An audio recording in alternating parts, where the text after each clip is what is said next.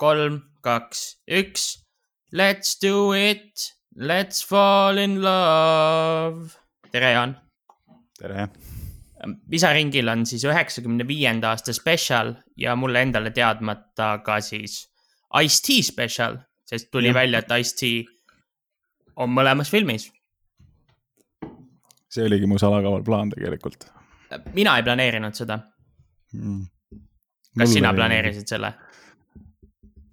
ma ei tea, ma, ma jäin nagu eile mõtlema, miks ma Johnny Mnemonicu pakkusin välja viimane kord, aga, aga oli ju, sa ütlesid Hank Girl ja ma ütlesin Johnny Mnemonic, ma ei tea, kuidagi sobis kokku ja, aga ma lihtsalt teadsin, et mõlemas filmis on Ice-T küll tagantjärgi, siis ma olin mingi, aa noh, järelikult äh, universum lükkas asjad nii, et me peame neist mõlemast filmist rääkima.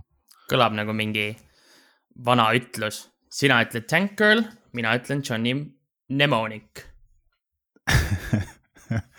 ja me kõik koos ütleme Ice-T, absoluutselt, jäätee. jäätee, Ice-T. aga igatahes teeme järjekorras siis niimoodi, et räägime kõige ennem kultusfilmist ja siis teisena vähem kultuslikust filmist ja meie kultusfilm on tuhande üheksasaja üheksakümne viienda aasta Tank Girl. Mhm. võib-olla natukene andmaks tausta, mis asi Tank Girl üldse on, siis ütleme niimoodi, et see on koomiks ja miks tavainimesele see arvatavasti on üsnagi Nad- kauge kauge, aga samas ka lähedal, on Mm, mm, jah. peamiselt sellepärast, et koomiksi üks autoritest, illustraator on Jamie Hewlett, kes on ka mm Mhm. -hmm. Gorillase bändi liige, aga siis visuaalse -hmm. poole pealt, on ju. jah, et Tank Girli koomiksi enda stiil meenutab ka väga palju seda, mis Gorillas on algusaastatel, eriti just seda, mis nad olid algusaastatel, aga ka Jah. seda, mis nad on pärast, aga nüüd juba natuke vähem. see isegi võiks öelda, et kes natuke varasemasse aega tahab minna, siis Full Metal, Full Metali seeria, ka animatsioon, see meenutab ka suuresti. noh, et see Tank Girl kuuluks nagu mingisugusesse sellesse, sellesse ajastusse või sellesse rubriiki. kaheksakümnendate lõpu ja üheksakümnendate punkkoomiksi stiilis ütleme niimoodi. et Tank Jah. Girli enda stilistika on ka punkapokalüptiline või punkopakalüp-. punkopalyptiline. Mad Max pluss punk, Madame Max nii-öelda. jah, et ja feministlik Mad Max põhimõtteliselt põhimõtteliselt, koos känguruseksiga, jah. mida selle... filmis minu arust vist ei kujutatud. ma just lõpetasin vaatamise ja ma võin öelda, et känguruseksi filmis ei olnud. ja kusjuures äh, juba väike esimene suuremat sorti trivia selle filmi tegemisse oli see, et nad, nad olid valmis teinud selle. no ilmselgelt nad olid, sa. pead, kui sul on võimalus, siis sa teed selle valmis. Nad said ju, noh, see filmiga ongi kõige huvitavam on see, et, et seal oli väga palju sihukest potentsiaali olla, noh, ikka tohutu kultusfilm ja teha täiesti midagi omamoodi. ja noh, see stuudio siis, vot selle koha pealt pead mulle nüüd ütlema, kes see stuudio oli, kes seda asja ah,, Trilogy Entertainment ja United Artists Corporation, kes nagu tahtsid, et selle noh, nii-öelda ostsid õigused sellest filmi teha. noh, see ongi nüüd nagu kõige jaburam selle asja juures, nad teadsid, et see on midagi vastuolulist ja nad tahtsid selle pealt raha teenida. ja umbes siis, kui nad selle toodangu valmis said, siis nad ei tahtnud, et see oleks üldse selline. millest me siis saame ka rääkima hakata, miks see, film nii-öelda siis noh, parema termini puudumisel äh, läbi põrus ütleme inimesena, kes koomiksit ei ole lugenud, ma ei teagi, milline peaks olema. mul on mingi ettekujutlus sellest, aga mitte väga ja ettekujutlus tuleneb põhiliselt sellest, et seda animatsiooni ja lõike koomiksist oli filmi sisse pandud. nojah, see oli õige, aga seal on ka jälle omaette see, see oli see, et äh, vähemalt mis äh, Alan Martin ja siis Jamie Hewlett, kes on mõlemad Tank Girli loojad. noh, nende, nende kogemused selle filmi loomisel olid äärmiselt ebameeldivad ja nad ei. noh, sahinad räägivad ka sellepärast, on Hewlett öelnud, et Gorillasest mingisugust suurt filmi mitte kunagi ei tule. küll tuleb, küll tuleb, kindlasti kunagi ikka tuleb, on ju. küll tuleb mingi, mingil ajal Aga- vanamehed annavad alla ja lasevad selle teha.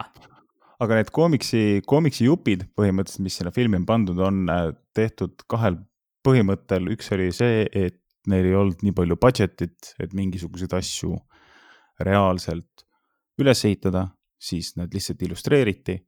ja teine asi oli see, et äh, noh, nagu siis ütleme nii, et produktsiooni noh, ühesõnaga siis inimesed, kes sellega tegelesid ja siis stuudio ise, et inimesed siis ütlesid seda, et äh, põhimõtteliselt no, nagu neil läks meelest ära neid mingeid tähtsaid osi üldse filmida. kuskil kümme stseeni vist jäi filmimata. kümme stseeni on ja, ja siis neil said rahad otsa selleks ajaks, kui neil siis juba meelde tuli. Ja siis see asi lahendatigi sellega, et topiti lihtsalt äh, animatsioon sinna vahele, jah. mulle alguses päris meeldis need animatsioonid, sest ma sain küllaltki hea ettekujutluse koomiksist ka, aga mida film edasi läks, seda rohkem need mind tüütama hakkasid tegelikult.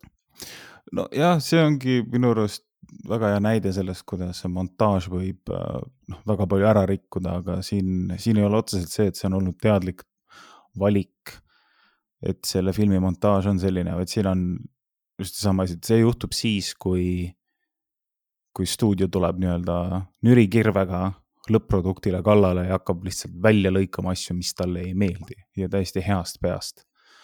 Et see, see ongi nagu võib öelda, et üks meie suurimaid, kui me sellest filmist räägime, siis nagu kõige suurem osa äh, just tuletada meelde, et noh, tänapäeval vaata, kus me saame elada maailmas, kus äh, Taika Waititi teeb Thori ja või siis. pohmaka lavastaja teeb Jokkerit. Jokkerit on ju ja noh, et kus meil on nagu väga suuresti suurtest, suured stuudiod just näppavad nagu selliseid omapäraseid režissööre, siis üheksakümmend viis aasta ikkagi oli see aeg, kus noh, ma olen mõelnud tihti järele sellest, millist noh, noh, nii-öelda mitte halvas mõttes, aga millist jura tehti ja kui palju sihukest jura tehti ja kui palju sellest jurast nagu ei, ei toimi üldse tagasi vaadata just sellesama asja pärast, et sul oli midagi, mis oli niivõrd eklektiline. ja siis, kui sa tahtsid seda edasi anda, sa tahtsid, et see oleks tavaline ja noh, see ongi kogu Tank Girli põhi vastuolu, kui ma, ma vaatasin ka, ka sellest tegemisel. et sulle palgati kõik need inimesed, noh, seal oli ju see suur, issand, kus ta mul, ah jah, Stan Winston, kes on põhimõtteliselt lõi Alieni ja Terminaatori ja eriefektid ja kõik need füüsilised efektid siis on loonud. stuudio, noh, neil oli vaja, et keegi neid känguruid teeks. Ja siis nad, see Rachel Talalay, kes on siis see Tank Girli režissöör, tema pakkus välja, et võtaks Stan Winstoni, aga stuudio ütles, et ei, ei, ta maksab liiga palju, Stan Winstonile õudselt meeldis see Tank Girli idee ja ta tuli vastu sellega, et ta võttis endal äh, seda hinda poole vähemaks ja umbes pani kogu oma rõhu alla sellele, vot mis nägime eile sellele suurepärastele Ice-T känguru kostüümis, noh, et see oli tal mingi, see on minu. Koos bandaanaga. jah, koos bandaanaga. ma korra ütlen, et võist- minu arust nägid need känguru kostüümid välja nagu Predator lastele. ja põhimõtteliselt on küll, sest et Stan Winston on Predatori kostüümid ka teinud valmis ja, ja kõik need kõrvu, ütleme nüüd ühe kostüümi ole liigutamiseks oli vaja põhimõtteliselt kolme inimest, näitlejad, kes seal sees on ja siis veel sabad ja kõrvad ja kõik need olid veel elektrooniliselt äh, veel liigutatavad igatepidi. ja jah, ja isegi see nagu ei päästa.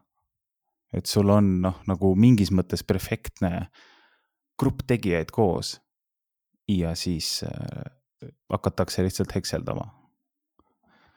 No Tank Girl kui koomiks või Tank Girl kui tegelane või Tank Girl kui idee töötaks mm. -hmm. ülimalt hästi praeguses ajastus, kus ja. filmid on läinud jälle tagasi natukene lavastaja põhisemaks.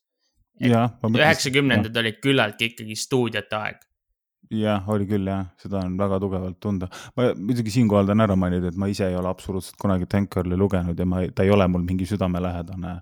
see lihtsalt tegelane või kogu see asi, lihtsalt see oli väga huvitav nagu selle otsa koperdada, et, et, et nagu põhimõtteliselt kõik see normaliseerumine oli lõpuks see, mis hävitas selle filmi potentsiaali absoluutselt olla midagi tollel ajal midagi erilist ja tänapäeva maailma sobiks Tank Girl, no juba jutud käivad, et tahetakse teha reboot'i ja mis sa arvad, kes on äh, kujutatud peaossa?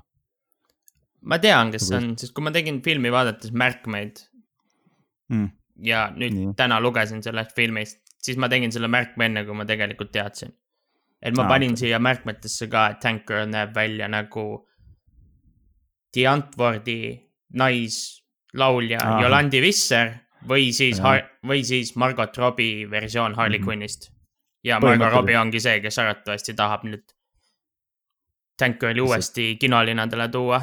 aga ma ei tea, kas Birds of Prey tuules see idee üldse jalad maast lahti saab. Ma väga ei usu et see nii kiiresti juhtub. ei, vist vaevalt mitte jah. et see. kuigi praegu on girl power aeg ja no on, noh, peksa, peksame rumalaid mehi ja ja ta sobiks Malcolm. ajastu vaimu, aga ma ei ole Mhm. kindel, et see niipea kuskile liigub. no eriti veel, kui sa saaksid sellise potentsiaalse režissööri, kes võib-olla suudab sellele rohkem dimensioone anda, kui lihtsalt see, et naistel võivad olla ka musklid. Edgar Wright oleks ideaalne.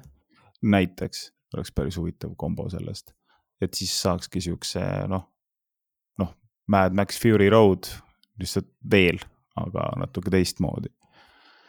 mis iseenesest oli ka juba väga tugevalt äh, nagu hea feministlik film.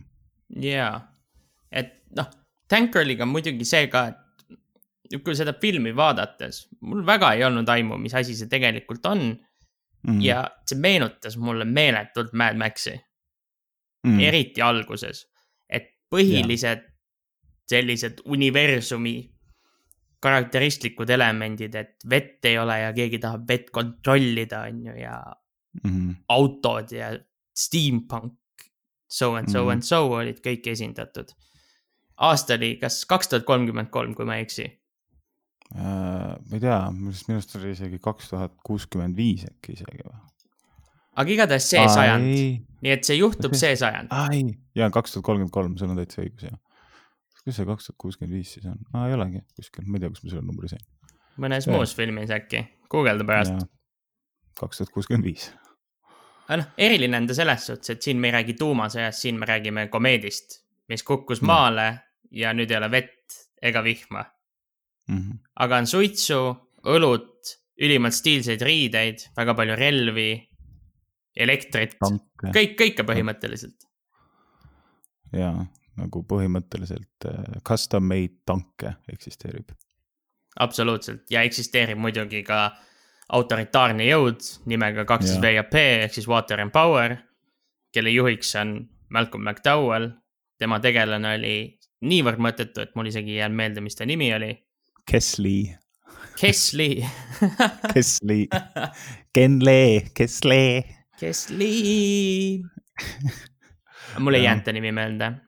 ei no see on üsnagi absoluutselt mitte üldse meeldejääv nimi ka, kui veel, enam, kui sa mõtled, et see on fucking Malcolm McDowell, kes seda mängib. vähemalt ta ise on öelnud, et talle väga meeldis seda filmi teha. mitte, et ta ei oleks üritanud ja mitte, et ei kumanud välja, et ta nautis selle filmi tegemist, Mhm. aga lihtsalt talle ei antud mitte midagi teha ja ta oligi, ta oli küllaltki puss ka minu arust, jah, mitte väga kurjakuulutav.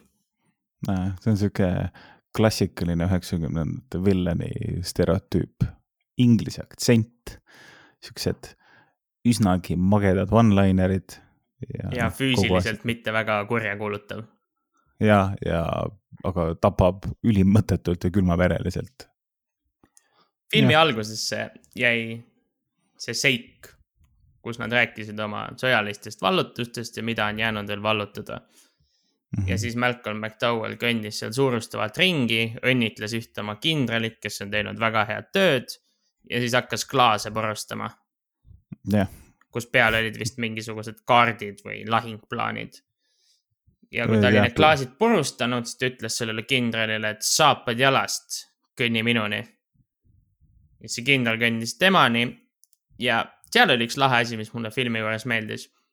Neil oli mingisugune kontraptsioon, et kui sa Mhm. pissid mm -hmm. selle inimese sisse, siis see imas ta veest tühjaks ja sa Jah. said sealt tõmmata mingisuguse päris hea veepudeli tegelikult. jah. ja kui ta oli oma selle juua. kindrali tühjaks tõmmanud, siis ta jõi seda vett ja ta vist ütles ka midagi, et suurepärane või Ideaalne. Magnificent et see kontraptsioon mulle väga meeldis, originaalne See, huvitav. mm.. et ei olnud siukest klassikalist ärakägistamist, mis oli Steven Seagali filmides või kas keegi lõigati pooleks või midagi siukest selle peale oli mõeldud mm. -mm. ja see kuidagi see nüüd sidus sinna universumisse ka sisse, et vett ei ole, aga tehniliselt inimesed on vesi. jah, nii et kui seda, ma mõtlesin, et sealt areneb edasi mingisugune selline plaan, et nad hakkavad inimesi koguma ja siis ühest inimesest saab ühe veepudeli. noh, see oleks et isegi nagu mingi putsis ägedam. Evian vaata või mingi veider, ja, ja, kui Borjomil sõidaks katus ära, ja, et igast inimesest saaks ühe veepudeli ja üks veepudel oleks siis kahekümne nelja inimese vesi. kakskümmend neli pakki inimestest tõmmatud vett. ja, ja see oleks päris hea. säästa. mine sa veeks. kuule, aga räägiks natuke sellest, mis Tankeri roll üldse filmis oli või miks ta üldse võitlema hakkas või mille vastu ta võitlema hakkas? nii, et minu jaoks, kuidas ta võitlema hakkas või mis ta motivatsioon või mis teda juhtis, oli küllaltki nõrk ja lamp, aga ju see oli Mm. koomiksis ka niimoodi.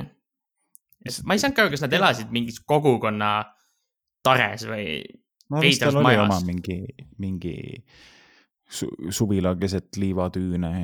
kus tal ja... oli Ja- boyfriend ja neil olid lapsed, ma ei, kas need olid suvalised lapsed, kas need olid nende lapsed? tea, ei olnud küsinud, seda küsis keegi, aga siis ta vallandati, nii et ühesõnaga keegi ei tea. lihtsalt seal olid lapsed, siis tal oli jakk. jaa Ja, kellega ta sõitis, see oli nii maaliline. kujutad sa ette, kui mõnes muus filmis, näiteks Star Warsis või kuskilt tuleb kõrbes päikseloojanguga, keegi ratsutab Jah. ja siis sa vaatad, et hobune või mingi muu imposantne loom. aga siit see Mhm. on jakk ja mini, minijakk ka veel. minijakk jah. aga jah ah,, ja neil oli ainukene veekaev lähikonnas. Nad varastasid vett. teem, jah, et äkki oligi see, et nad lihtsalt umbes jagasid sealt inimestele ja siis see Water ja Power muidugi lendas peale ja ütleme edaspidi eestipäraselt vesi ja võim, vesi ja võim. see kõlab nii mõnusalt. VV, vesi ja võim. lendas lampi peale, lasi kõik maha ning võttis tangi tüdruku vangi. oli vist nii jah? -hmm. ja selle Ja- väikse tüdruku ka. jah, aga seda ta vist siis ei teadnud veel, ta arvas, et kõik ta lähedased on surnud. kuigi ega teda väga ei huvitanud, sest ta targutas ja oli küllaltki heatujuline edasi ka vanglas. jah, vaatamata kõigele. pärast seda talle pakuti tööd, ta ütles, et ta ei taha töötada vee ja Mm, võimu, vee võimu jaoks. vee ja võimu jaoks ja siis teda piinati. ja nii edasi põhimõtteliselt lootuses, et ta murdub, aga ta oli juba enne, eelnevalt küllaltki murdunud, ta oligi selline Harley Quinnilik natuke skiso. ja kusjuures ma isegi arvan, et selle Tank Girli karakter võis väga suuresti Harley Quinni karakteri arengut mõjutada, sest ega Harley Quinn ei, ei ole ju äärmiselt vana, see on ka mingi üheksakümnendad, see oli animated series, siis tuli Batman The Animated Series Jaa. oli esimest korda. tema kui selline karakter, keda me tunneme tänapäeval, loodi Batman The Animated Series'is jah. mm,. et ma arvan, et see, kuna Tank Girl ikkagi ideeliselt on vanem, siis ma üldse ei imesta, kui see kuidagi on kellegi inspiratsiooniallikaks olnud. aga seal korraks hüpata sisse väikesesse veel sihuke trivia, see moment, kui siis Tank Girli piinatakse, seal teda topitakse sinna külmruumi.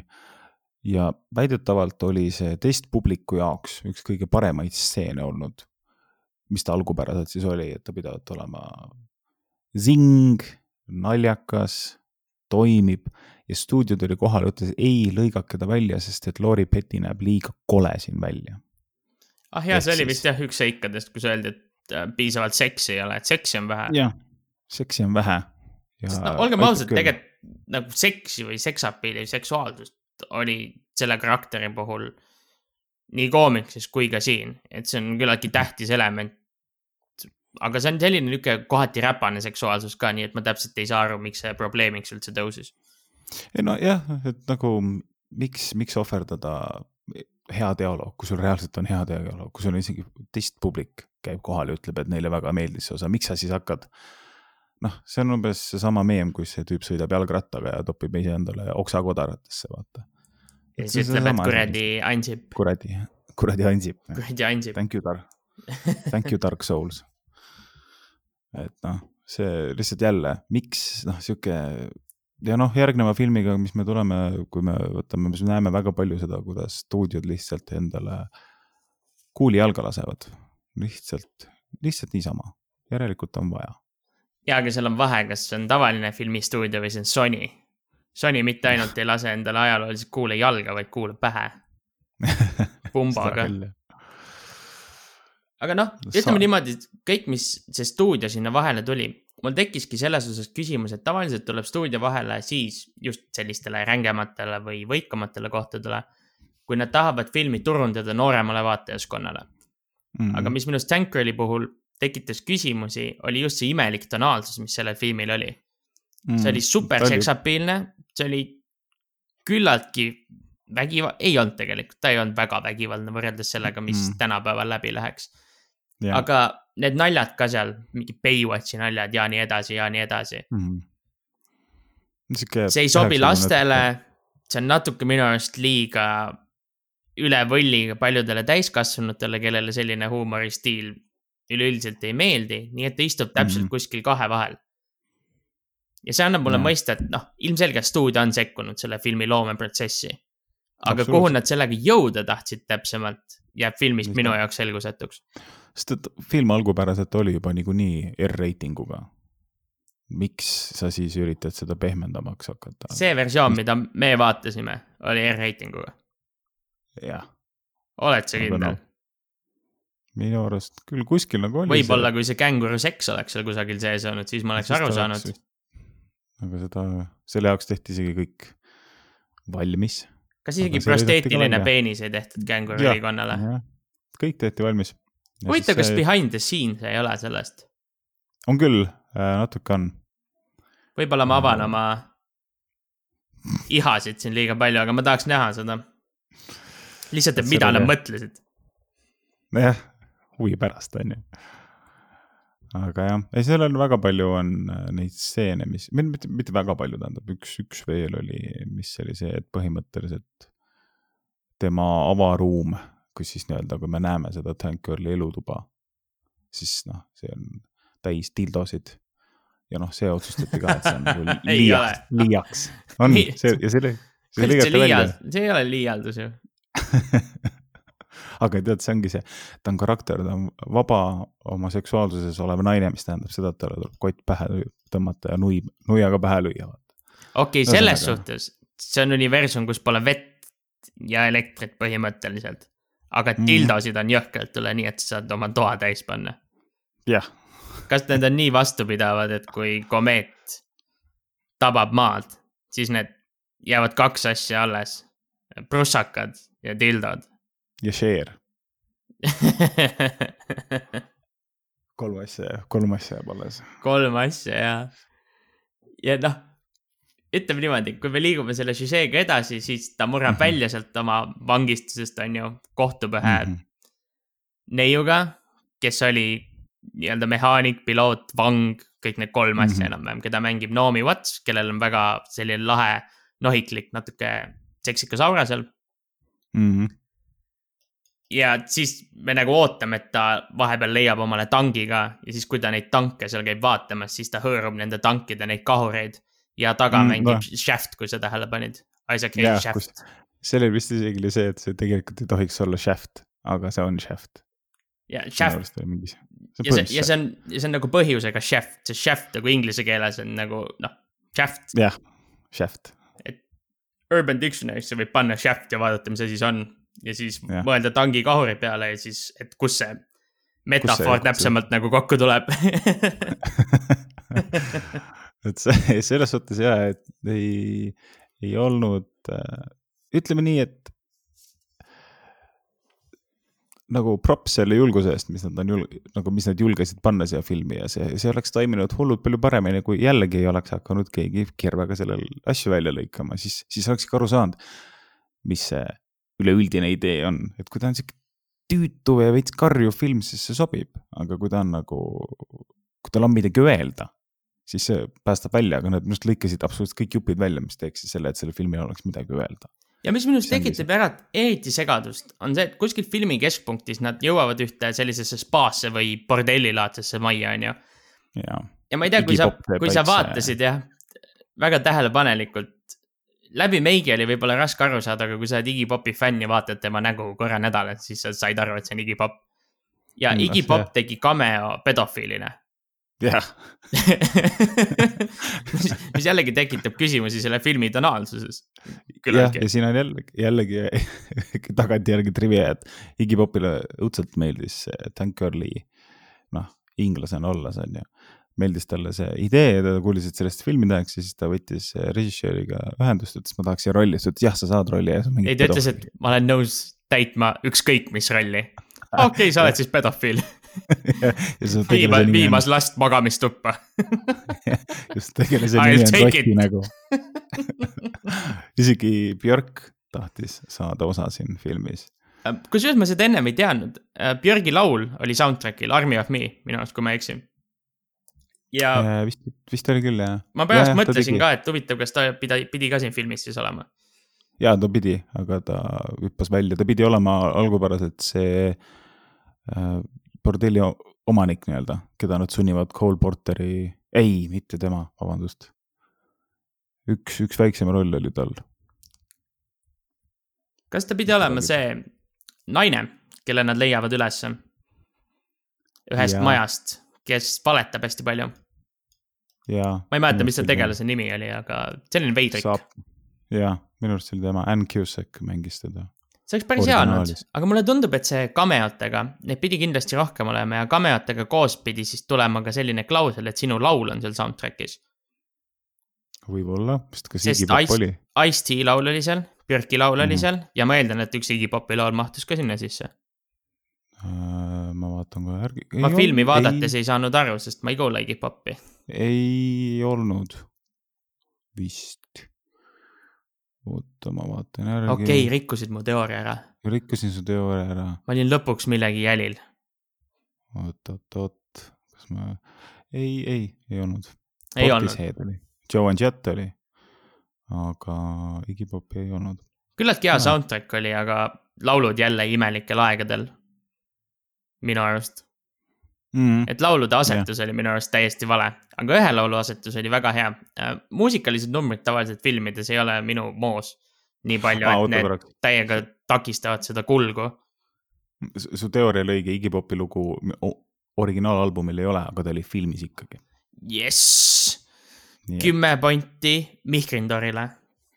Mih-, Mih-, Mihklindar, jah. aga mis oli Mm. hea laul, oli Cole Porteri Let's do it.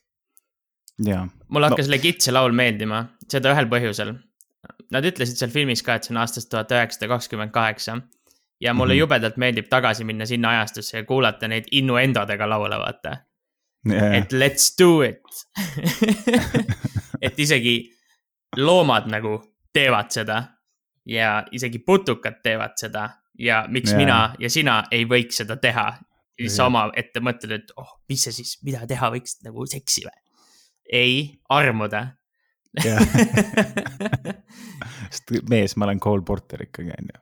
Jaa. me ei, we don't do it here. et see tolle aja puritaanlus sundis inimesi geniaalsel viisil seksist laule tegema. mis tegelikult kandus ka tegelikult meie aega üle, on ju. Hit me baby one more time ja, jah, toxic ja ja nii edasi. ai jumal jah, noh nüüd enam nagu väga neid innuendos ei ole.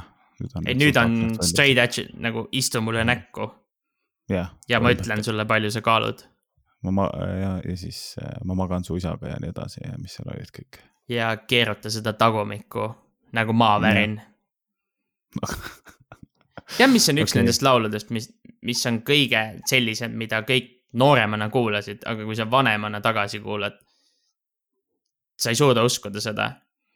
Flowridal oli selline laul nagu Right Round jaa, ja see oli sellest Theodore Live'i loost võetud Nii. põhimõtteliselt refrääniga, kus mm -hmm. oli, et Mhm. you spin me right round, round, round, round, blablabla. When you go mm. -hmm. down, when you go down, down. ehk siis, et mul mm. -hmm. hakkab pea ringi käima, kui ma saan suhkamit. nojah et aga, aga vaadates, kuidas seda tuhande üheksasaja kahekümne kaheksandal aastal tehti, ma ütleks, et see on tunduvalt maitsekam. seda küll jah, et No need on need tundub. ideed, mille peale ma mõtlesin, kui ma Tank Girli vaatasin. kurat, et miks siin seda prosteetilist äh, kängurupeenist ikkagi sisse ei pandud?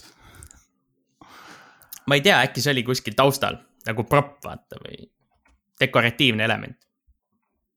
Et vaata nagu ühes Predator kahes vist oli Alieni, Alieni pea seal Predatori ah, trofeeruumis kuskil tagant. ja siis Väike kõik fännboid olid, et oh my god, kas te nägite seda? jah, siin vist väga ei ole neid fänne nii palju, kes oleksid, oh my god, kas te nägite seda peenist seal taustal?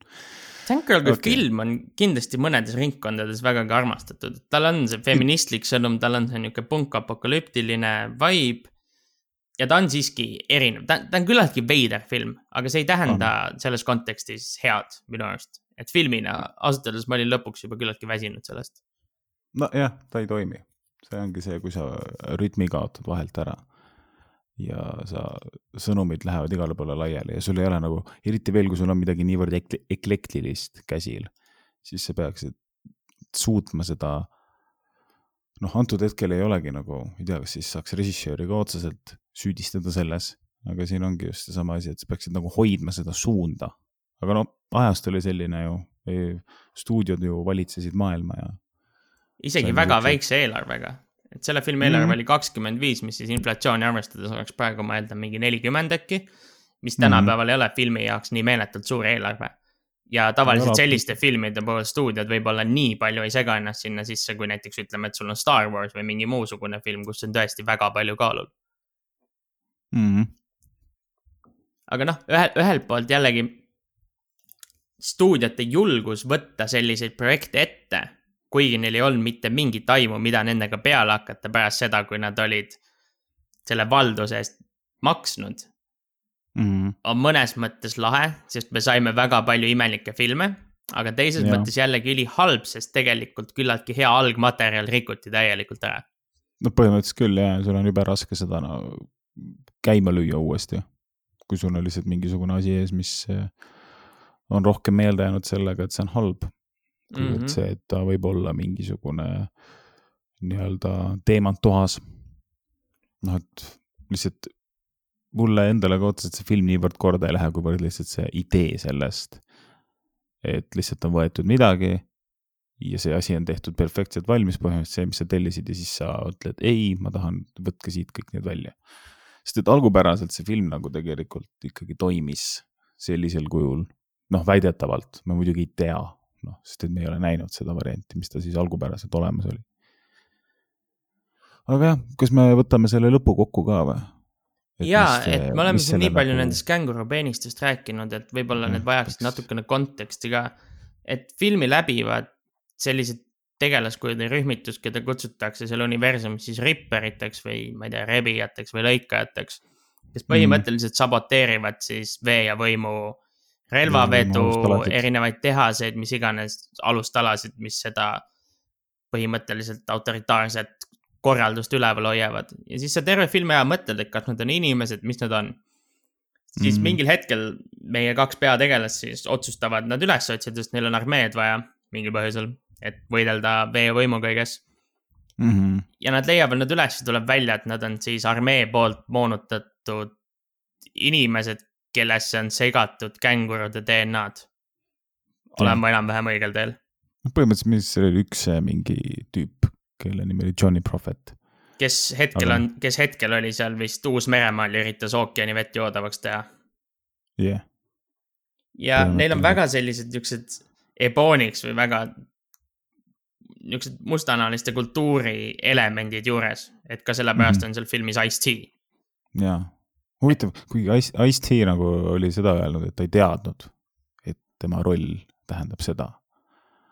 et huvitav, kas ta siis sai selle, et yo T, meil on sulle pakkuda roll, sa oled väikese vastupanu liikumise juht. ja siis ta mingi, no ta ei ole otseselt juht, aga nagu kõige mingi kõige gängsterim liige. kängur oma Kõige gängis.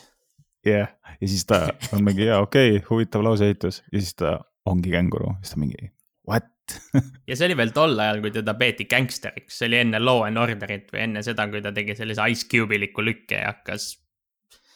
kogu pere toodangut tegema. vaata, Jay-Z on öelnud selle kohta, et äh, ma ei ole ärimees, ma olen ärimees.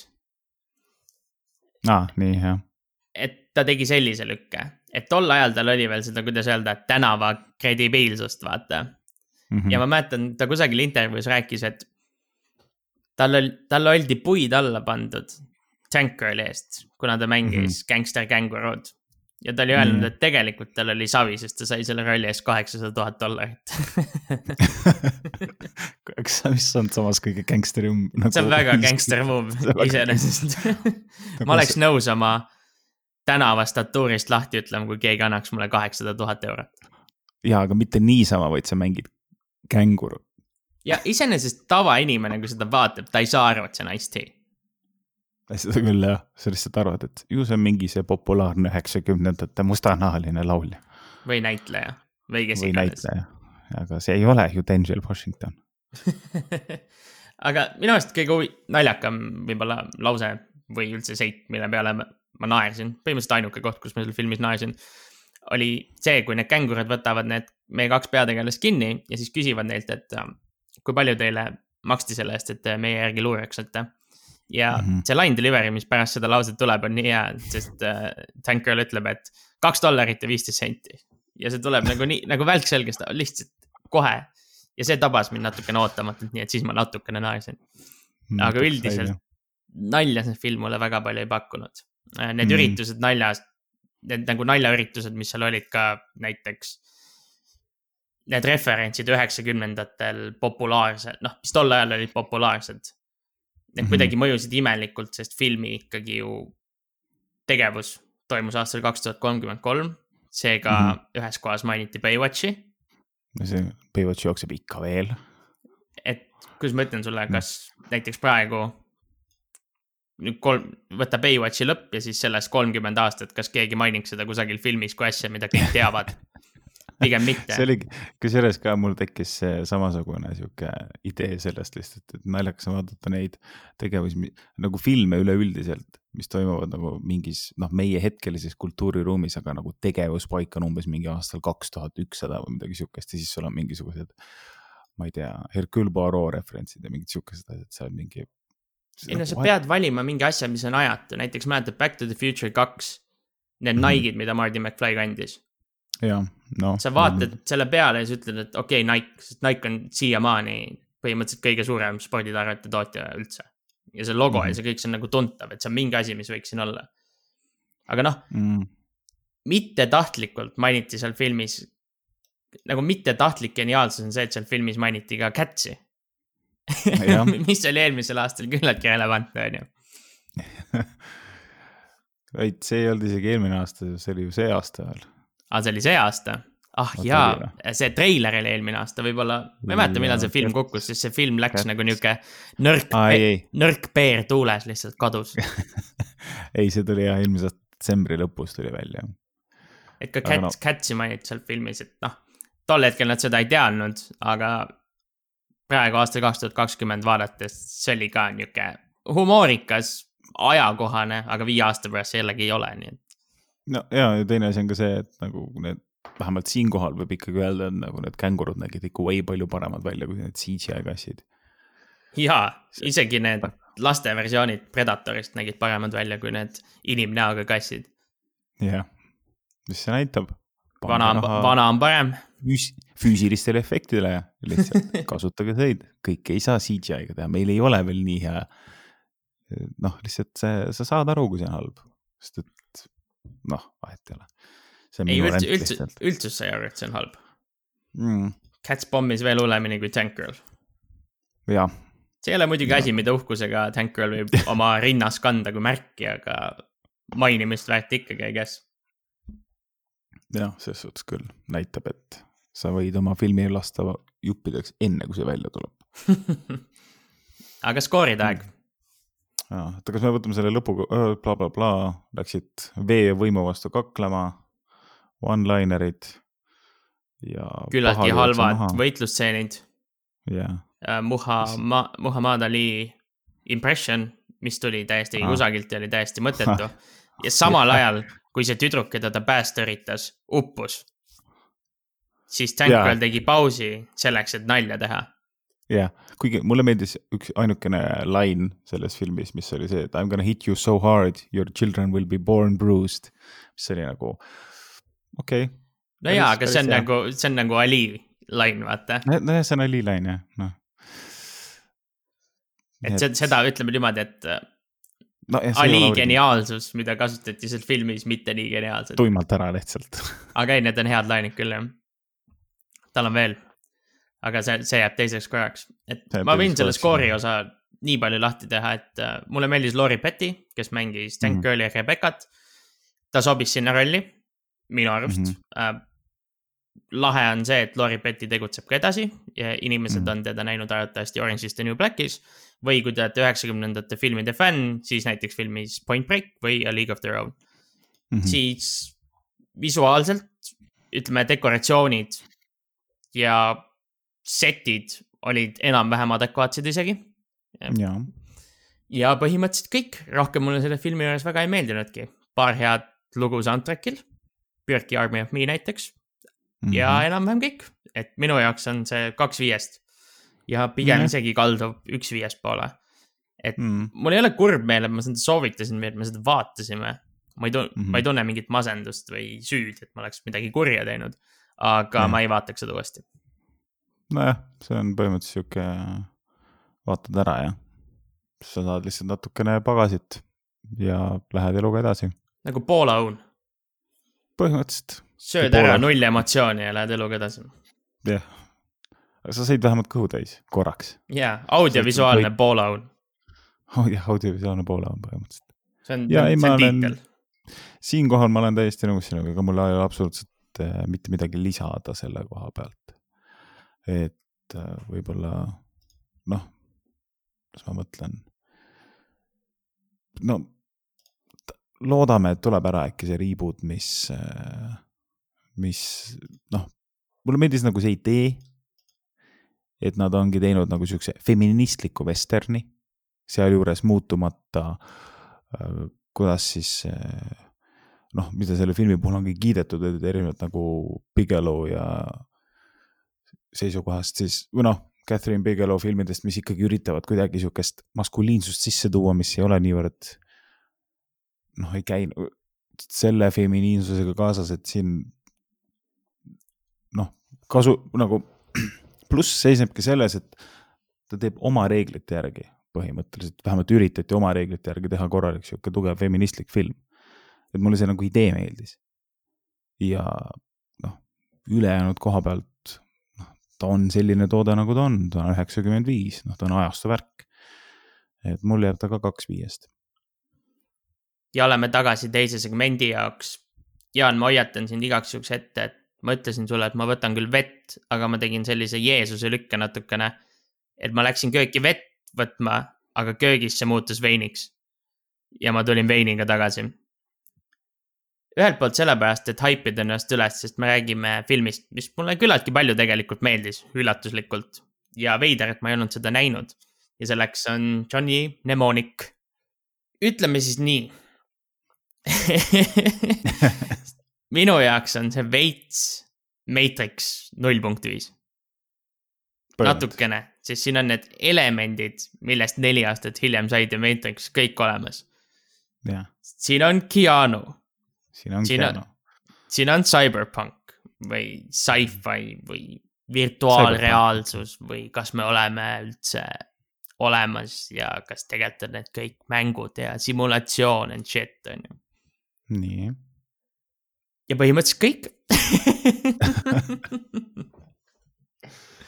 ja no mõningad sellised Aasia influence'id ka vaata, jah, noh. et noh, Matrixis ei olnud ütleme mingi Yakuusasid and shit, aga noh, sa saad aru küll, mida ma mõtlen. ja, ja, ja noh, tugev või noh, nii-öelda sihuke kõrval naiskarakter, kes ei noh, võib vajadusel ka peksa anda kõigele järjekordselt nagu Trinity oli Matrixis. ja Tai Chi ühes kohas ja. ja Mr Smith käis ka isegi läbi, ja käis küll jah kui ta hotellist toa võttis. ah,. jah, no see on jah, Matrix null punkt viis. et noh, tegelase nimi oli noh, Johnny Mnemonic, ütleme nii, kuidas ta on IMDB-s kirjas. aga tema siis varjunimi oli Mr Smith, noh, mis on ka päris hea sild Matrixini. kui, jah, kui see ei ole easter egg, siis ma ei tea, mis see on filmil ja mis ei ole veel väljas. aga kuna sina soovitasid seda, siis räägi pigem, miks sa soovitasid seda ja kuidas see üldse sinu radarisse jõudis? ah,. ma olin kunagi ammu näinud seda lihtsalt siis, kui see telekast jooksis, siis kui ma mingi tatt olin äh,. olin nagu paljud asjad selle filmi kohta ära unustanud ja ma ausalt öeldes ei tea, miks ma seda soovitasin, mul lihtsalt. noh, kui sa Thank You'li mainisid, ma mõtlesin, et why not ja siis oli see siduv asi, et nad on mõlemad üheksakümne viiendal aastal välja tulnud. et mul otseselt nagu mingit tugevat suhet selle filmiga ei ole, kuivõrd võib-olla see, et see oli esimene Keanu Reavesiga peaosas film, mis ma nägin oota, ma peataksin korra selle siduvate asjade juures. ah,. nii, siin oli mitu siduvat asja. sama aasta sama aasta, Ice-T, vabandust, jah. äh, Ice-T ja siis Keanu Reaves ja Lori Petty mängisid koos Point Breakis ka. jah, et see on Point Breaki eri nii-öelda. Need olid mõlemad küllaltki pommid kassas. Need Jaa. olid mõlemad filmid, mis põhinesid küllaltki Mingi- huvitaval ja erilisel algmaterjalil, mis stuudio poolt siis filmiks saamise käigus, Käigus. rikuti põhimõtteliselt ära. jess, nii et need on küllaltki ühe kaardi kaks poolt, ütleme niimoodi. jah. et see, noh, just oligi seda vaadates ja seda taustainfot otsides nagu olime üsnagi nagu roosade põskedega eile siis, kui ma sain teada, et nad on suht sama nagu, sama ohvriks langenud filmid. kas sa jõid punast veini ja neile? jõin õige, õige. see ei ole reklaam, Gruusia vein on parim.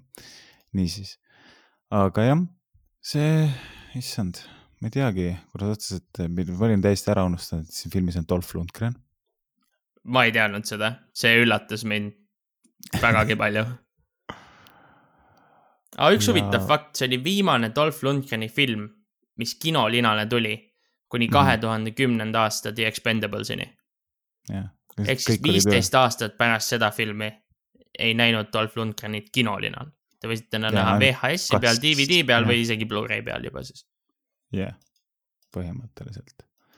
et see andis nii, aga see ei andnud ikkagi nii tugevat löögi, lööki, kuivõrd äh, eriliste härrasmeeste, mis asi, liiga Sean Connery karjäärile, mis põhimõtteliselt ei ole tõusnud siiamaani. no jaa, aga vaata, Dolph Lundgrenil ei olnud kunagi karjääri respekteeritava näitlejana seda küll jah. ta on selline B-klassi Arnold Schwarzenegger alati olnud. jah, tal on, ta on see ülikooli õppejõuna, mis läheb, tal on edukam. tal on ju paberid ju mingis biokeemias või mingi sihukeses asjas ja õpetab minu arust Uppsalas, midagi sihukest. ei, ta on meeletult lahe tüüp ja tema lisandumine siia filmi oli täiesti ebavajalik, aga ma ei pannud pahaks, sest mul on hea meel teda näha, kus iganes ta lavale või kinolinale astub. lava osas ma ei ole nii kindel, aga võib-olla piir-, piirdume esialgu kinolinadega. kuigi noh, ma ei tea, muusikalis näha Dolph Lundgreni, see oleks küll päris huvitav vaatepilt, hüljatutes. aga jah, kui Shrekis. niisiis, aga tegevus toimub aastal kaks tuhat kakskümmend üks. järgmisel aastal. järgmisel aastal. ja kogu maailma on, kogu maailm on põhimõtteliselt üles ehitatud äh, interneti peale, kogu maailm on netis nagu. kõik on nagu eriti, eriti on ju. ja väga, väga suurtel korporatsioonidel on võim ja nad on peamiselt Aasias või Ida-Aasias, millest tulenevalt ka on see Jaapani temaatiline Yakuza maffia tegevusliin sisse toodud no siin on Ja kindlasti meie- Blade Runneri mõjutus ka sees. no eks see vist, nojah, eks ta pidi, võib-olla see oligi nagu see eesmärk nendel stuudiotel, et, et luua nii-öelda, me tahame oma Blade Runnerit. noh, põhimõtteliselt me No, tahame on Blade Runnerit siis interneti generatsioonile või sellele dot-com generatsioonile. ja, ja meie peategelane Johnny Mnemonic on siis mnemootiline kuller, kes siis, kellel on ajus implantaat, millega ta veab äh, infot, kuna üle interneti on ohtlik infot jagada no ta smuugeldab kontrapundi põhimõtteliselt. ja ja lihtsalt selleks, et ta ise seda lugeda ei saa, on nendel noh, kaitse peale pandud siis mingid kolm erinevat pilti oli antud juhul, mis on suvaliselt valitud. aga seal oli niisugune paralleel Transporteriga, selle Jason Statham'i filmiga. Et kui Nii. Johnilt küsiti, et kas ta kunagi heidab pilgu ka sellesse, mida ta veab mm, -hmm. siis ta ütles, et ei, ma ei vaata sinna mitte kunagi, osalt oma kaitseks, teisalt kliendi kaitseks. siis mul mm -hmm. põpatas kohe, et need on täpselt Transporteri reeglid ju. ära kunagi vaata äkki... seda kaupa, mida sa vead. nojah, äkki see on, kellelgi oli sõber äkki see on siis... kuum naine kellega sul tekib armulugu ja sa ei tahagi teda prostituudiks müüa või mis iganes transporteri žüsee oli. Ja, jah. ja antud juhul siis äh, saad KFC retsepti teada Jaan, kas sa natukene ei, ei naernud siis, kui küsiti, et kui palju sa andmeid suudad enda pähe ma mahutada nüüd, kui sa oled oma aju nii-öelda järgmisele tasemele viinud, siis ta ütles sada kuuskümmend gigabaiti jaa, ma mõtlesin ka. nii vähe nii vähe. kõvakettad on, kaasaskantavad kõvakettad on terased aastal kaks tuhat kakskümmend. Et tal oli ju see, et tal oli algupäraselt isegi kaheksakümmend giga ja siis ta tegi endale selle mingi upgrade'i, millega ta sai topelt rohkem. see vist kustutas ta lapsepõlvemälestused ka, jah? ja selleks ongi tema teine žüžee on see, et selleks, et seda nii-öelda, ta on võtnud selle implantaadi, aga see võttis kõik tema lapsepõlve mälestused ära ja selleks, et ta selle tagasi saaks, peab ta selle implantaadi välja võtma, aga see, see kirurgiline töö on äärmiselt kallis ja selle jaoks ta kogub raha. Ei, see ei olnud kallis, aga siis, kui tal oli raha koos ja ta küsis, et kas ma saaks nüüd selle operatsiooni teha ah,, siis jah. tema kontakt ütles, et aa, ma ütlesin kaheksasada tuhat või ai, see on üks koma viis milli, tšau vabandust, sassi läks. et noh, selle CyberPunki juurde käivad arvatavasti sellised küllaltki amoraalsed ja räpased ja nirgi näoga tegelased ka. Antud, antud olukorras oli siis suurepärane Udo Kier jälle ennast suutnud siia. kahekümneks minutiks ja kes siis ei tea, kindlasti kui ta teda järgi vaatab, heledasilmne sakslane, kes mängib põhimõtteliselt igas filmis alati natsi. ta on põhimõtteliselt äh, välismaa Tõnu Aav. Saksamaa Tõnu Aav, sest Tõnu Aava põhimõtteliselt rollid olid alati mängida natsi ja Karlssonit. aga nii siis, mis siis, kust me edasi jätkame? me jätkame sellest, et maailmas levib selline katk, mida kutsutakse mingiks närvi katkuks, ütleme siis niimoodi. NAS mm, -hmm. NAS-iks nagu see räppar. jah yeah. ja selle, ja seda katku põhjustavad siis levivad raadiolained või igasugused signaalid, paljuski nagu need, mis arvatavasti ka praegu õhus levivad. Ja mm -hmm. siis inimestel tekivad tumedad värinad ja nad ei suuda ennast kontrollida ja filmi edenedes siis tuleb välja, et see kolmesaja kahekümne gigabaidine andmehunnik, mille meie peategelane Johnny või siis lihtsalt Johnny lasi endale pähe laadida, on tegelikult küllaltki tähtis ja temast saab ühe päevaga põhimõtteliselt maailma päästja, on ju. ja kõige tagaotsitavam mees. Ja noh, edaspidine tege-, tegevus käibki selle ümber, et teda ajab taga nii Yakuusa kui ka Dolph Lundgren, kes mängib sellist tegelast nagu Karl, kes on põhimõtteliselt siis Terminaator, aga kes usub aga... räigelt jumalasse. ta on nagu piibliga on... Terminaator, tal on isegi see karjuse kepp minu arust, kui ma ei eksi. oli küll, jah. kes siis jah, samamoodi ajab teda taga. ja on sihuke väga tugev anti, antitehniline isik nojah, ta on isegi küll täiustatud, aga jah, põhimõtteliselt, kes no. Johnny, Johnnyt koos siis taga ajavad, ongi põhimõtteliselt siis. Pharmacom, mis on niisugune suur ravimitööstusettevõte põhimõtteliselt. siis Karl tugeva K-ga, kuna ta on sakslane, on ju mm. -hmm. siis Yakuusa, kes on palgatud Pharmacomi poolt. Pharmacomi juht on siis Takeshi Kitano, kuulus Jaapani näitleja, kellel on yeah. ka omanimeline videomäng, mille nimi on Takeshi's Challenge, nii et kui keegi tahab videomängu mängides hulluks minna, siis võib seda proovida. jah. ja Johnnyt aitavad tema teekonnal siis low-tech'id, LO kaks siis V T E K-d, kes on põhimõtteliselt vist häkkerite grupp või selline paramilitaarne mingisugune üksus. anti-establishment ja noh, sihuke, noh, sihuke tüüpiline rebels. Jah, ja kelle juht on põhimõtteliselt Ice-T, aga J-Bone. jess. J-Bone jah, aa, ta Tankerlis oli T-Saint oli ta nimi. T-Saint ja J-Bone, milline Ei. hämmastav range Ice-T-l näitlejana oli ühe aastaga. ja noh, ütleme. Gisee poolest nagu see film ei ole minu arust nii huvitav, kui ta on stilistiliselt ja sellest, mis sealt läbi käib. ma tegin paar märget. näiteks paar asja, mis siit läbi käivad, on selline asi nagu iPhone, öeldakse ühes kohas. ah, jaa, oli hea. siis siin on eh, VR, virtuaalreaalsus mm, -hmm. on küllaltki esi, esi, eesrindlikult nagu esindatud mm. -hmm. ja ma ei tea, kas on äkki midagi veel, mis on tegelikult nagu võiks sobitud, sobituda meie aega uh,. jah. AT&T on ja AT&T oli jah. kes on siis USA põhimõtteliselt Starman või Eli, no ütleme nüüd Elisa, Elisa või Telia. Elisa. jah, ei, ta on selles suhtes nagu on näha. jälle neid, no selle filmi režissööriks valiti küll Robert Longo, kes on tuntud rohkem kunstnikuna ja skulptorina ja see on tema vist üks vist ainukene film, mis ta teinud on et ta on lavastanud küll Megadethile ja R.E.M-ile muusikavideoid, ehk siis Megadethil Peace Cells ja R.E.M-il The One I Love loodele.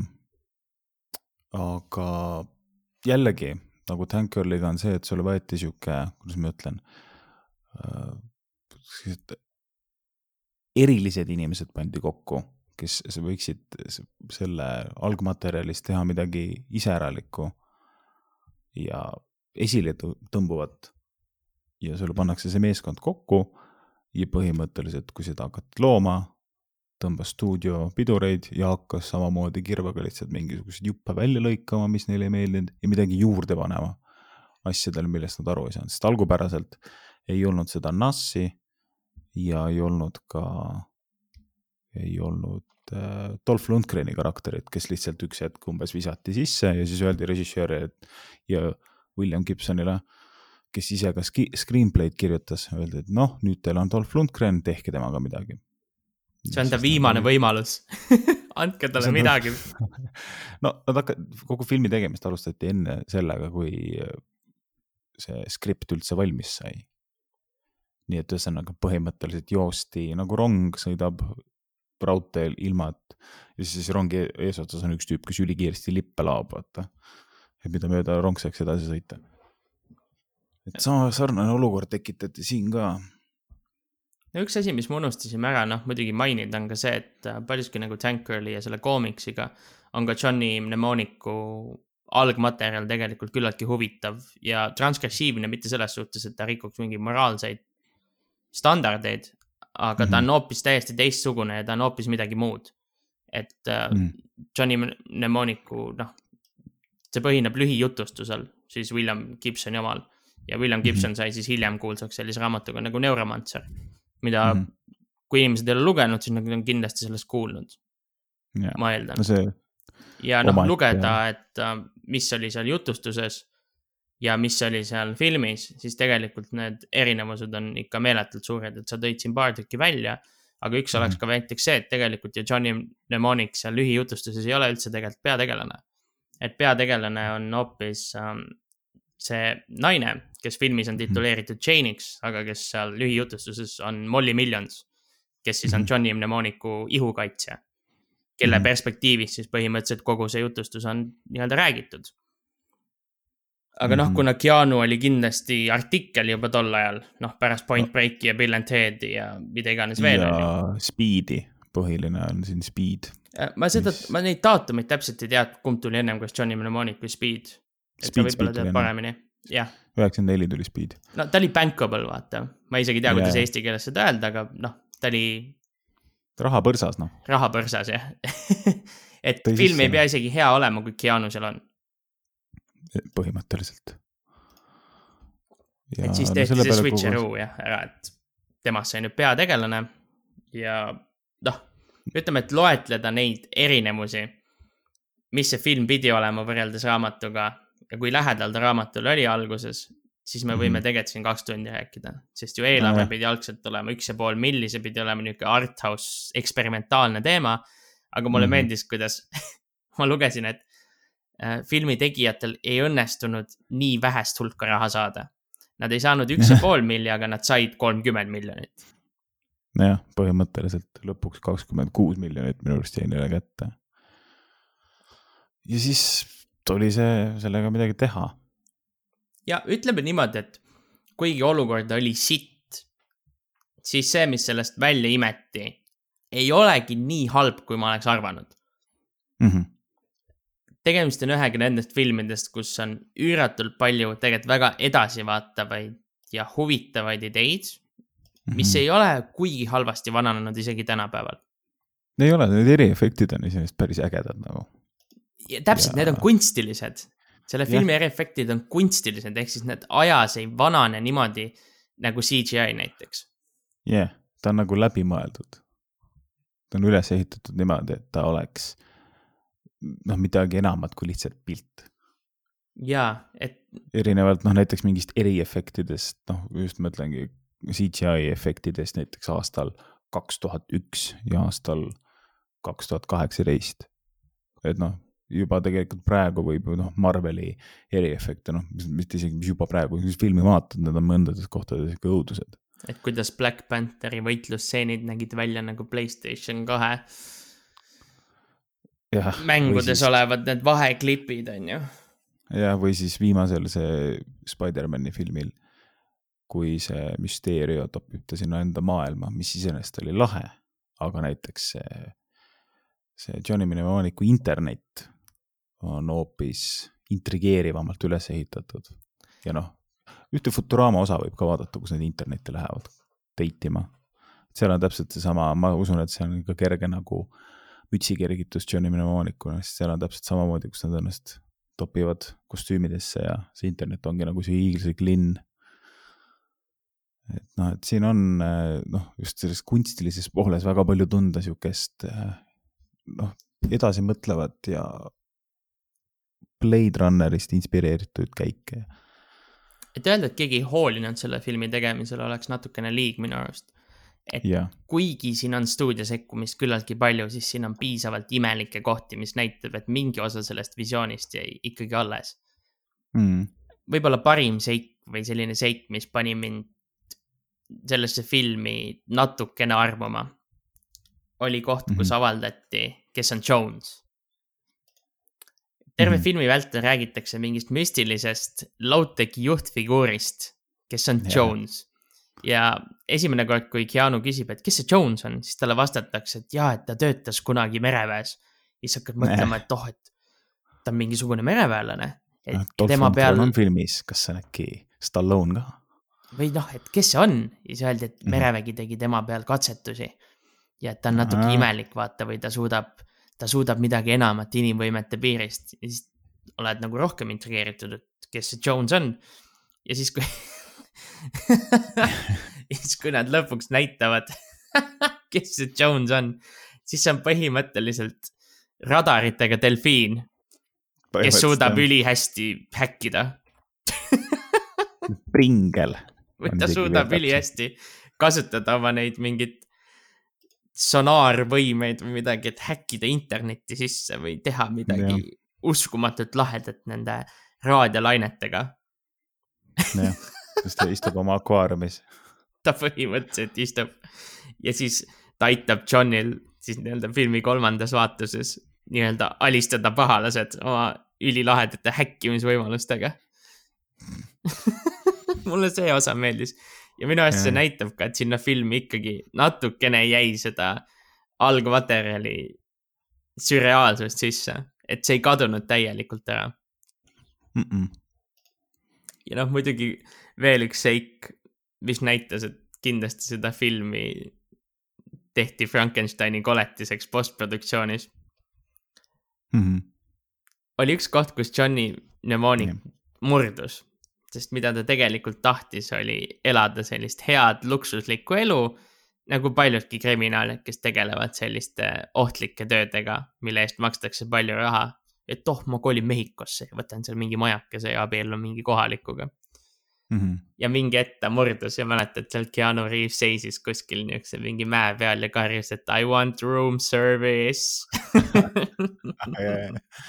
mis tuli nagu ei kusagilt. Aga mis näitab, et mingis faasis kindlasti see film ei võtnud ennast nii tõsiselt kui see, mida me tegelikult ekraanil nägime. no lõpuks jah.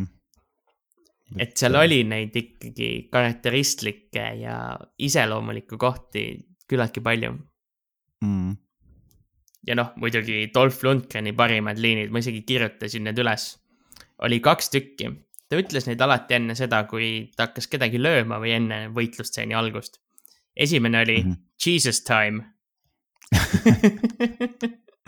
ja teine oli Come to Jesus. kõlab nagu midagi The Big Lebowskist veits.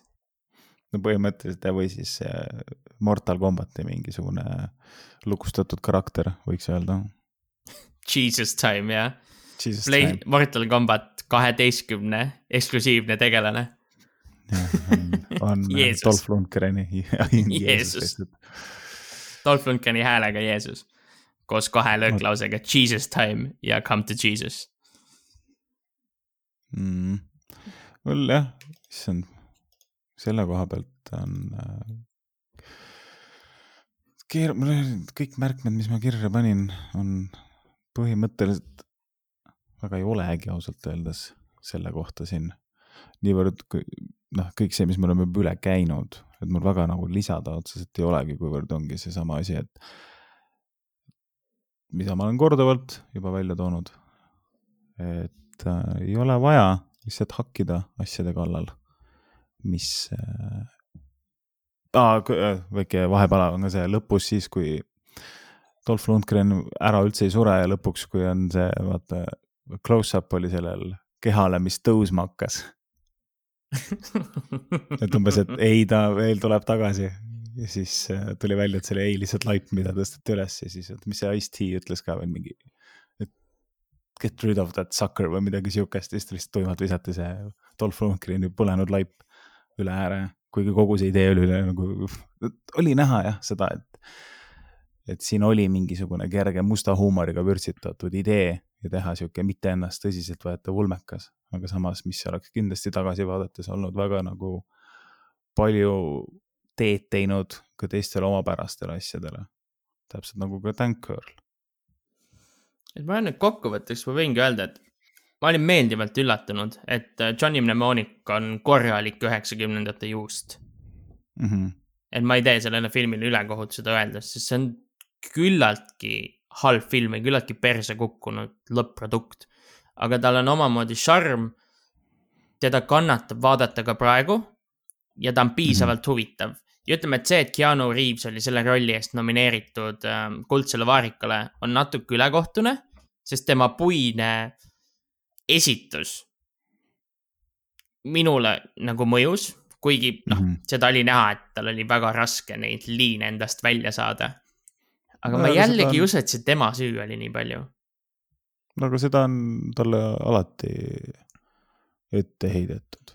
aga noh, on, on mingi teooria, et tegelikult see esitus tõi talle ka rolli The Matrixis mingil määral, on ju. mm, et noh, et need paralleelid ei ole niisama, et nagu öelda, et äh, Vakovskid ei ole Johnny Mnemonicut näinud enne, kui nad The Matrixi tegid, on kindlasti vale, nad kindlasti on seda filmi näinud ja, ja, mõneti ka sealt inspiratsiooni saanud, sest noh, nagu me alguses juba ütlesime, neid paralleele on küllaltki palju. noh, ja ma arvan, et kui Keanu Reaves oma karjäärile tagasi vaatab, siis ta ei kahetse, et ta seda tegi. ei kindlasti mitte jah. või noh, ta tundub üldse väga nagu, kuidas öelda, kahe jalaga maa peal olevat oma ideedes ja asjades niikuinii. aga jah, ja isegi vist järjekordselt Ice-Til ei olnud probleeme mingisuguseid, mingi, kes on ikkagi tegelikult tänase õhtu põhitegelane. ja äkki ta sai üks koma kuus miljonit selle eest. ei tea jah, et ennem oli kaheksasada tuhat jah, ja siis küsis üks koma kuus miljonit. eks peab ta neid maksutagastusi vaatama, palju ta nende, selle filmi eest te teenis. tegelikult, jah, aga veider, see oli veider kokkusattumus, et Ice-T mõlemas filmis oli, see oli veider kokkusattumus, et need mõlemad olid näited, kuidas stuudiosüsteem põhimõtteliselt äh, rikkus ära küllaltki geniaalse ja intrigeeriva algmaterjali, on ju. Aga yeah. kui ma peaksin kahe vahel valima, siis ma kindlasti vaatasin, vaataksin Johnny Mnemonicut parema meelega edasi. seal oli huvitavaid ideid, need ei olnud küll välja arendatud, need ei viinud eriti mitte kuskile tegelikult, aga ma näen, et seal oli see loovsäde olemas. ja nad kuidagi ikkagi suutsid kokkuvõttes teha huvitavama ja ütleme ka edukama filmi, kui seda oli Girl mm.. et ta on palju ligipääsetavam ja ütleksime, noh, kogu produktina ta on palju tarbitavam kui Tank Girl. jah, seda küll, jah. et skooriliselt, see on niisugune raske, kuna me ei saa pooli anda, vaata, sest me oleme verevande andnud, et me ei tee seda. siis ma annaksin mm -hmm. talle kolm viiest, aga see on selline, ma annan seda heldelt, sest ma olen ühe klaasi veini joonud mm. -hmm. et see pigem kaldub kahe, kahe peale, aga ma jään kolme juurde, sest ma tõesti nautisin seda mm. -hmm. jah, niimoodi Dunkirliga joonele pandes, siis ta tõesti on, noh, oleks kolm viiest, aga nojah, ma ei tea, kui sa nüüd, see on see, et mis sa nagu arvesse võtad, et Dunkirli puhul, et kas sa arvestad ka kõige sellega, mis, mis oleks võinud olla, on ju, või et. Äh, no ma lähtusin pigem sellest, mida ma nägin. Mm. Ja ma olen sellise juustu osas palju heldem, kui paljud teised võib-olla on, sest mul tekib mingi side sellega või mulle jubedalt meeldivad need üheksakümnendate häkkerkultuuri või interneti tõusuga tulnud filmid. nagu näiteks Häkke, Häkkerid on näiteks väga hea film minu arust mm. -hmm. noh, ma jään veel kaks viiest selle juurde veel, et ma minult ta helde käega hetkel ei saa, kuna ma ei ole veini joonud. jaa, aga noh, sa võid öelda potentsiaalselt pärast ühte klaasi veini kolm viiest. No siis tuleks jah, umbes niimoodi ja pärast pudelit veel viis-viis. siis on viis-viis. kujuta ette ka. seitse, seitse viiest aga see oli meie üheksakümne viienda aasta Ice-T spetsial, mida me ei leppinud kokku, vaid mis juhtus täiesti orgaaniliselt, mis annab kindlasti mõista sellist, sellest, millised geeniused me oleme mm. -hmm. ja kui hästi ja. me vibe ime aga kuna karantiin läheb edasi ja meil on siin aega filme vaadata ja lindistada maa ja ilm põhimõtteliselt, siis ma järgmise teeks natuke intrigeerivama äh,. on üldtuntud fakt või noh, teada-tuntud selline jutt, et mulle ei meeldi november. mulle ei meeldi ekraniseering Andrus Kiviräu romaanist Rehepapp. ja seega ma tahaks seda uuesti vaadata siis kui ma nägin seda esimest korda, oi, mulle ei meeldinud see film. mulle ei meeldinud mm, -hmm. mis oli, mis oli tehtud algmaterjaliga ja kuna me oleme -hmm. sellisel vibe'il, et me võtame projekte, kus võib-olla algmaterjali tõlgendus või see, mis ekraanile jõudis, ei ole päris mm -hmm. see, siis ma tahaks näha, mis sa sellest arvad nüüd, kas viis või viis või neli või noh, natuke aastaid hiljem on ju mm. -hmm. et kui sa tahad ühe minu poole ka tulistada, mis võib ka Eesti oma olla siis. vot, ma ei, ma, mul on nagu üks film on, mis mu meeles mõlgub, mida ma tahaks kindlasti uuesti vaadata ja millest oleks ka väga palju rääkida, aga ma kardan, et antud olukorras võib-olla see tulistaks äh, meile mõlemale jalga, sest et siis oleks meil kaks filmi, millest oleks väga palju rääkida. nüüd mul, mul otseselt ei ole praegu selles, ma tahaksin üks hetk võtta ette Starship Troopersi. aga mm, -hmm aga kindlasti mitte novembriga seoses. et see peaks olema, äkki peakski mingi Eesti filmide eri võtma. iseenesest võiks teha, aga võiks teha. Eesti filmidega on jah niisugune raske asi, et sa ei oska nagu otseselt nimetada koheselt filmi. et nagu, mis tekitaks võib-olla niisugust arutust või mis ei oleks just telekas olnud, mis on võib-olla niisugune natuke unustatud või mida oleks lahe uuesti avastada. jaa, et see ongi keeruline, mulle, mul, mul jääb praegu, jääb see, las see teine jääb nii-öelda siis. Äh, üllatuseks. üllatuseks jah, noh, et meil on varemgi seda olnud, et me oleme öelnud ühe filmi välja ja siis me teeme täiesti teisest filmist, et las siis seekord olla täitsa kindlalt see, et on november, aga mis veel, seda ei tea. jess, aga tänan kuulamast ja ootan huviga mis minu poole teele tuleb. Davai. Bye. Bye.